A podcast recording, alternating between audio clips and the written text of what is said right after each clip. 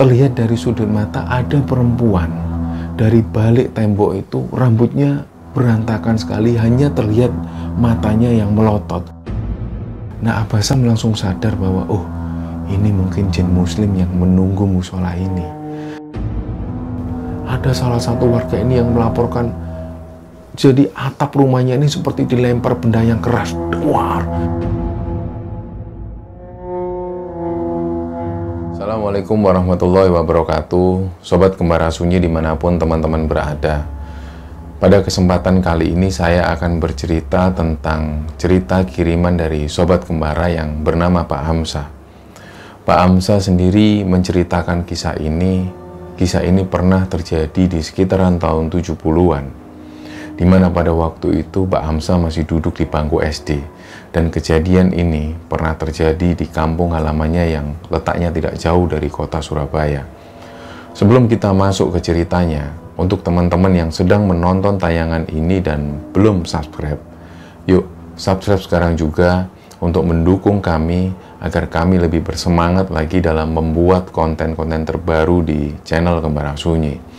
Dan untuk teman-teman yang telah mendukung kami sampai sejauh ini, kami mengucapkan terima kasih. Semoga Allah membalas kebaikan teman-teman semua. Dan tak lupa juga kami ucapkan untuk teman-teman yang sedang menjalankan ibadah puasa, selamat menjalankan ibadah puasa. Semoga Allah menerima amal dan ibadah kita.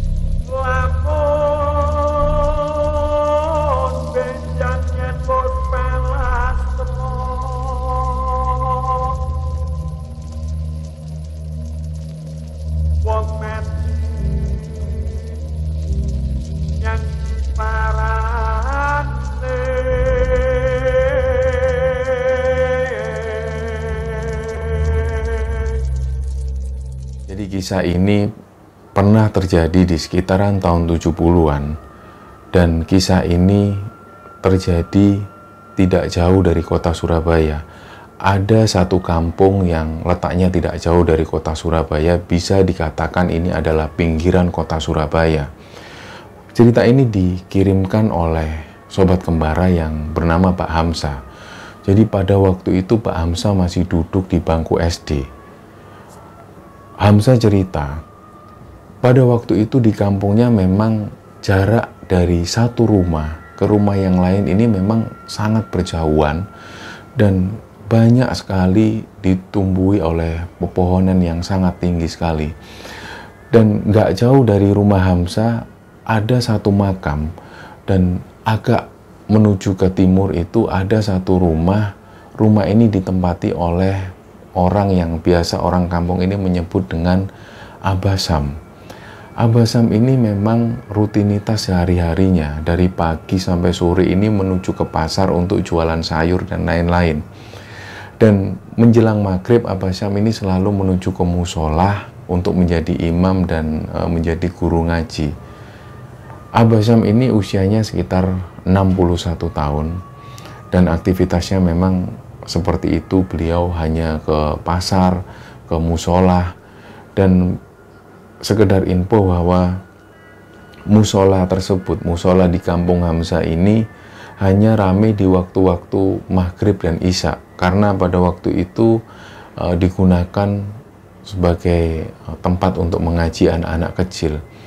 Tapi di waktu duhur, di siang hari, duhur dan asar ini musola ini selalu terkunci dan nggak ada yang sholat di sana. Dan ketika subuh hari, sering kali Abah Syam ini datang sendiri di musola tersebut. Jadi hanya beberapa kali ada satu atau dua orang jamaah yang ikut sholat subuh. Tapi sering kali Abah Syam hanya sendirian di situ. Adan sendiri, ngimami sholat sendiri. Dan ada satu kejadian, pada waktu itu memang orang-orang tua di zaman itu memang ketika bangun mereka ini tanpa melihat jam langsung bangun dan mandi, ada yang langsung pergi ke pasar, ada yang langsung menuju ke uh, kebun mereka. Waktu itu memang Abah Syam ini bangun. Jadi bangun dan langsung mandi dan langsung ganti baju menuju ke musola. Dan seperti biasa Abah Syam ini selalu melewati makam itu. Makam ini memang ada semacam tembok seukuran dada orang dewasa. Pada waktu itu Abah Syam jalan melewati makam itu dan terlihat dari sudut mata ada perempuan dari balik tembok itu rambutnya berantakan sekali hanya terlihat matanya yang melotot sambil menyapa Abah Sam badetan pasar toba sambil menjauh dia ketawa Abah Sam kaget sambil mengucap astagfirullahaladzim dan Abah Sam melanjutkan menuju ke musola dan pada waktu itu begitu Abah Sam buka pintu musola Abah Syam ini kaget ternyata waktu itu masih jam setengah dua dini hari. Oh, Abah Syam terus mikir, oh pantas masih jam setengah dini hari, setengah dua dini hari. Dikira pada waktu itu sudah menjelang subuh. Makanya waktu itu Abah Syam ketemu dengan sosok perempuan di makam. Dan waktu itu Abah Syam langsung ambil wudhu dan sholat dua rakaat.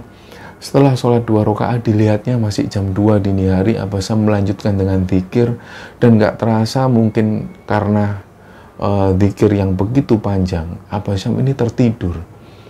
Dan pada waktu tidur itu samar-samar Abasam ini dibangunkan oleh suara adzan dan begitu Abasam ini membuka mata suara adzan ini terdengar menggema sekali di musola itu. Karena musola ini nggak terlalu besar hanya seperti uh, pucur sangkar uh, yang uh, bangunannya kotak seperti itu. Ada suara adzan yang menggema sekali.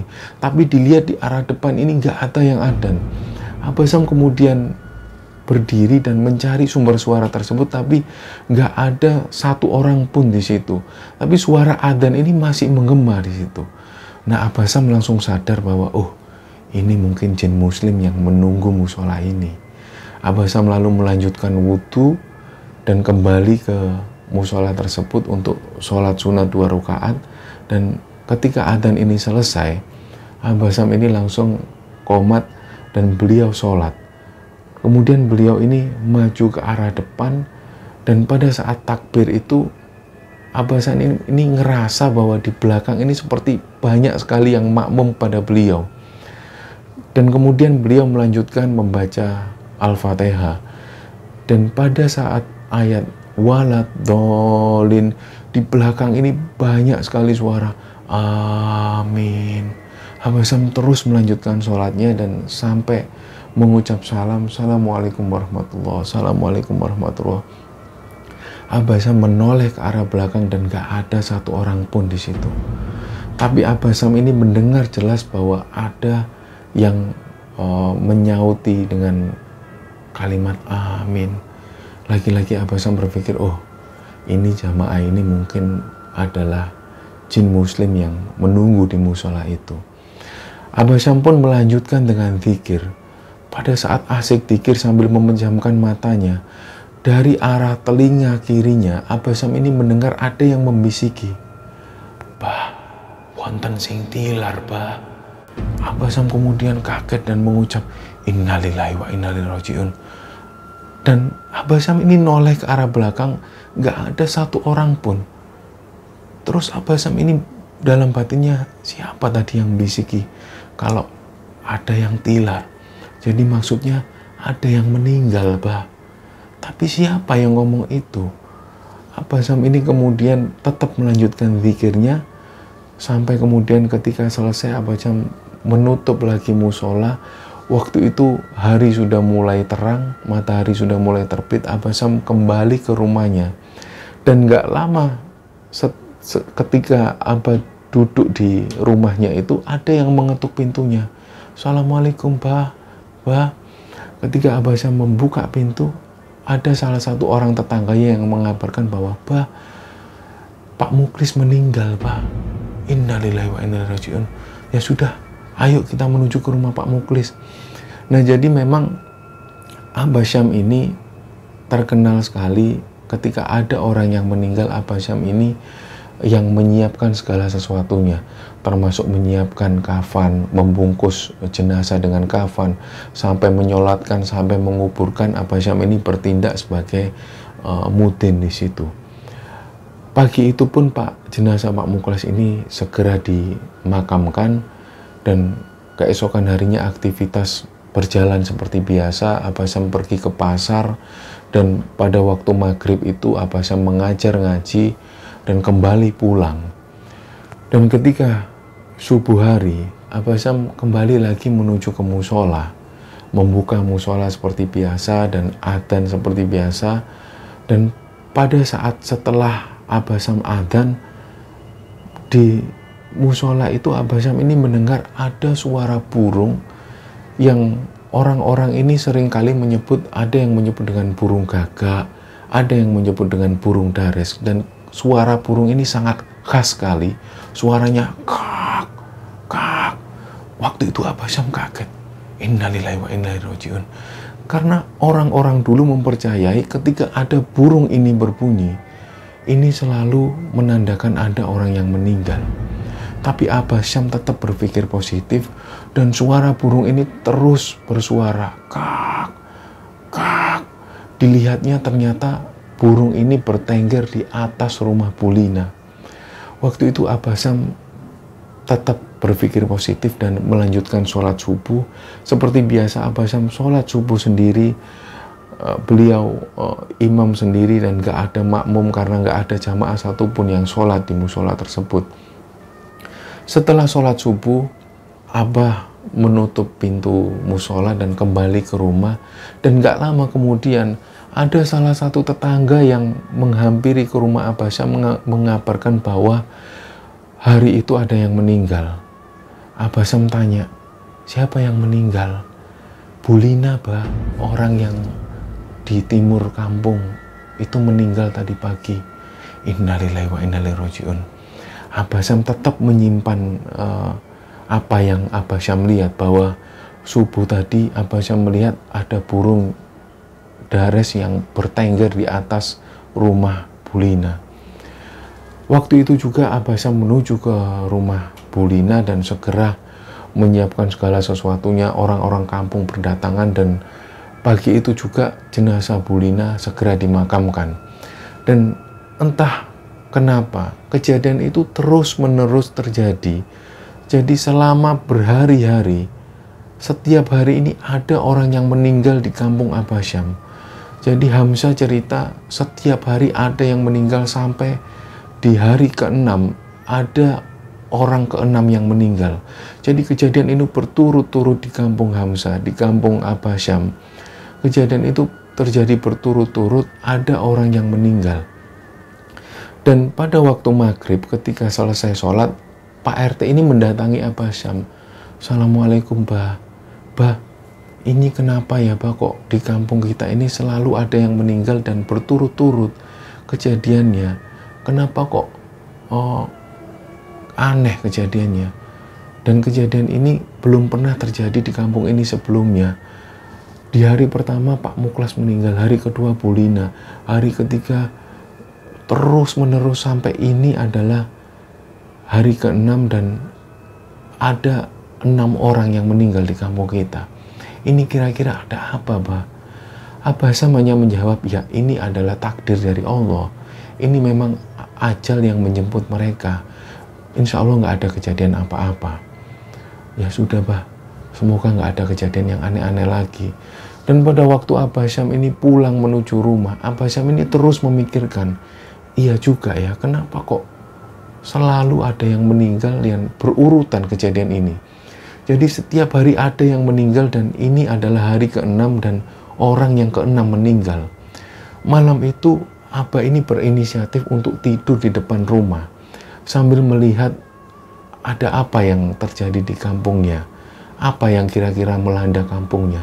Jadi Abah ini tidur di depan rumah. Di depan rumah ini ada semacam amben, ada semacam bangku yang terbuat dari bambu. Abah Syam ini sengaja tidur di situ Malam itu di sekitar jam setengah dua dini hari, Abah Syam ini mendengar ada suara orang yang berjalan. sekitar ada enam orang yang berjalan. Jadi orang ini memakai beskap seperti orang dari keraton. Abasam waktu itu sempat mengucek matanya. Loh, ini kenapa kok ada orang uh, memakai busana beskap seperti dari keraton? Mereka ini jalan beriringan dan seperti tergopoh-gopoh, tidak seperti orang keraton pada umumnya. Jadi uh, seperti kebiasaan orang keraton ini jalan pelan-pelan, tapi ini sangat cepat sekali, seperti tergopoh-gopoh. Mereka ini jalan menuju ke arah kampung, kemudian belok ke arah kanan.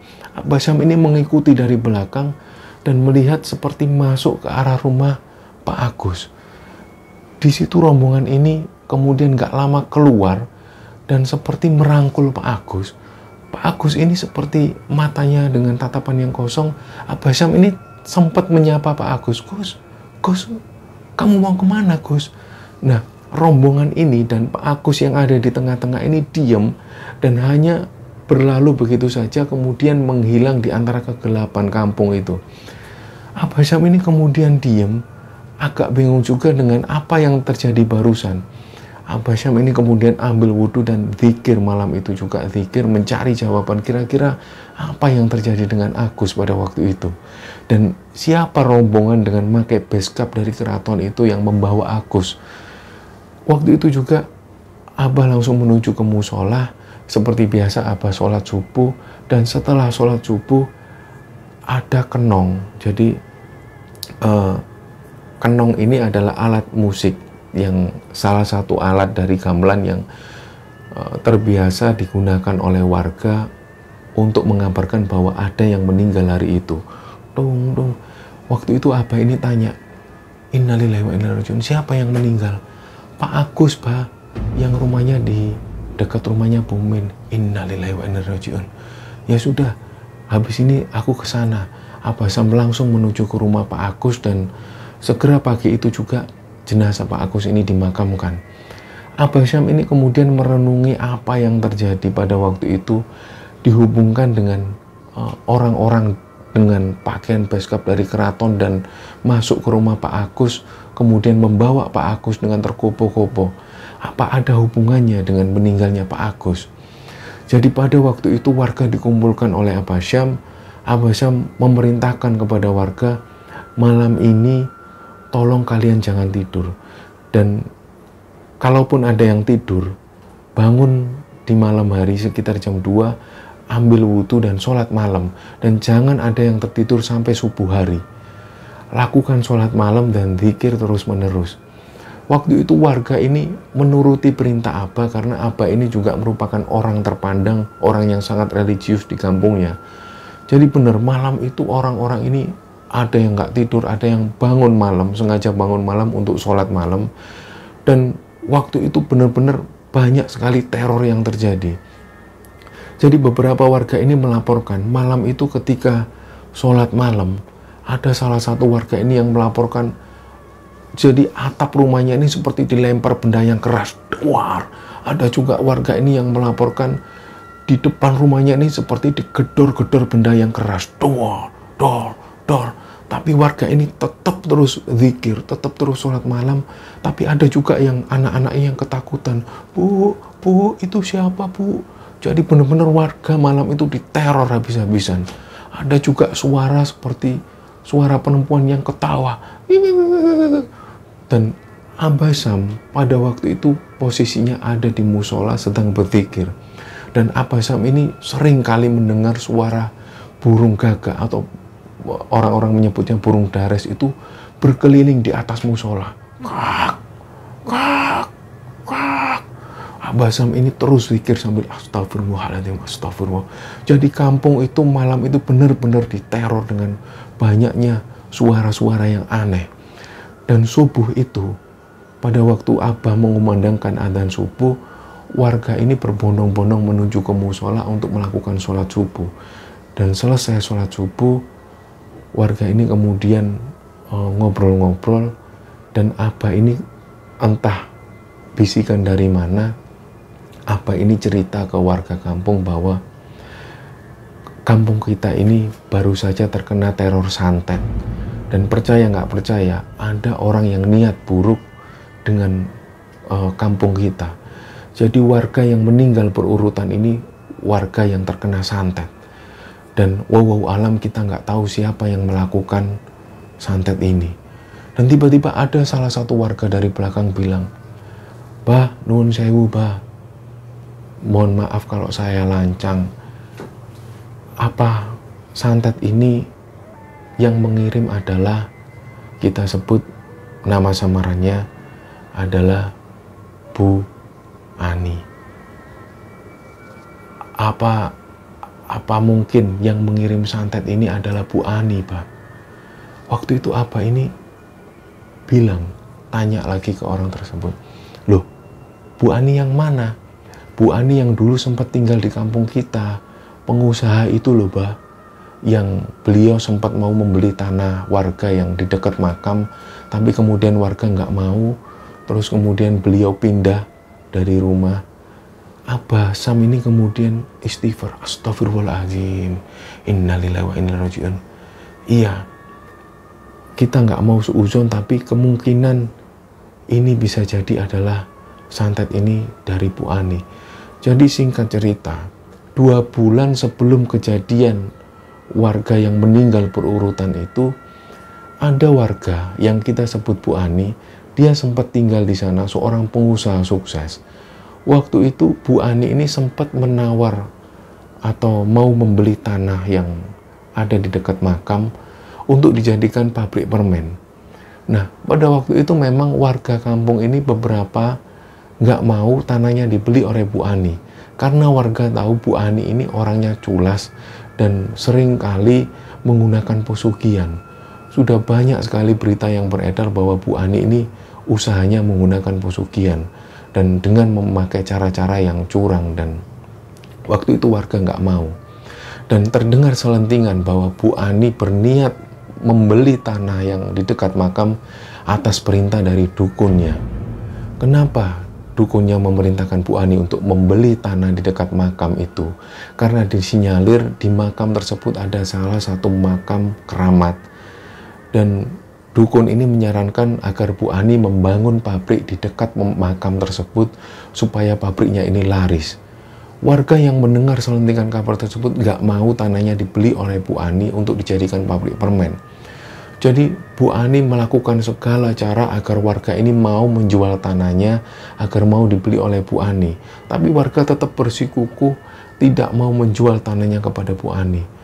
Jadi sampai pada waktu itu Bu Ani ini nggak kerasan tinggal di situ, kemudian pindah dari rumah tersebut, rumah ini dijual, kemudian Bu Ani kabarnya pindah ke salah satu kota yang tidak jauh dari Surabaya, dan kemudian Bu Ani lah yang melakukan serangan santet ini. Kenapa hal ini bisa disimpulkan demikian oleh Abasyam?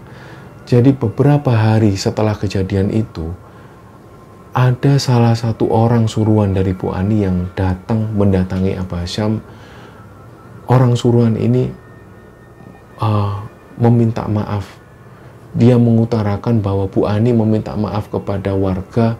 Bu Ani mengakui perbuatannya telah menyantet warga yang ada di kampung tersebut.